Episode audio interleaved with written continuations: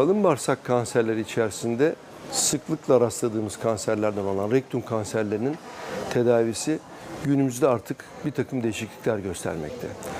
E, tedavi yelpazesi genelde bu bölgedeki tümörlerin çıkarılmasında total mezorektal eksizyon ve hipogastrik plexus korunmasını da içine alan bir yelpaze grubundan oluşmakta. Bunun ötesinde bu bölgede ameliyatsız cerrahi tedavisiz bir e, tedavi yöntemi var mıdırın arayışı da halen sürmekte. Bununla ilgili e, bir takım son günlerdeki çalışmalar devam etmekle birlikte günümüzde hala altın standart öncelikle cerrahi tedavidedir. Korkulan tümörün e, anal bölgedeki e, anüs bölgesine yakınlığıyla alakalı bir durumdur. Dolayısıyla anal bölgeye, anüse ne kadar yakınsa tümör tedavisi o kadar daha güç olmaktadır. Zira e, oradaki e, tedavinin bize getirdiği tekrar ekleme, kalın bağırsağın sağlam kısmının aşağıdaki e, kalın bağırsağın sağlam kısmına eklenmesinin yani anastomozun güçlükleri e, günümüzde hala zaman zaman problem olmakta.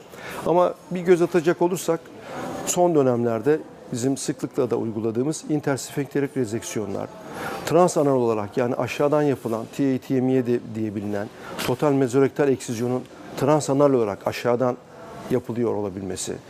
NOSE dediğimiz tekniklerin artık e, ekstra bir insizyona gerek kalmadan bu bölgeden yapılıyor olabilmesi ve TEM yöntemi bize aşağı rektum tümörlerinde bir takım tedavi seçeneklerini sunmakta ve hastalarımızın bu bölgedeki tümörler nedeniyle e, hayatlarının ve hayat konforlarının düzelmesini sağlayacak e, cerrahi ve cerrahi dışı bir takım teknikleri de e, hayata geçirebilmekteyiz.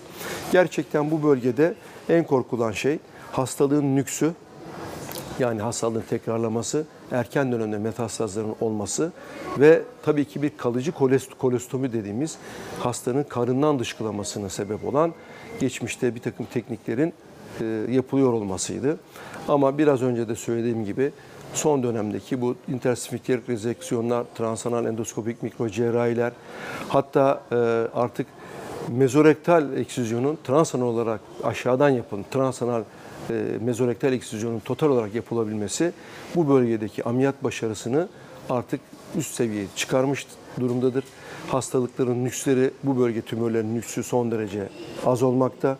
İleri metastazların e, olması bir noktada önlenmiş olmakta. Tabii bu arada hem ameliyat öncesi hem ameliyat sonrası kemo ve radyoterapinin bu bölgede bu cerrahi tedaviyle de uygun şekilde kombinasyonu bize hastalığın tedavisinin başarılı bir noktaya gelmesini sağlamış olmaktadır.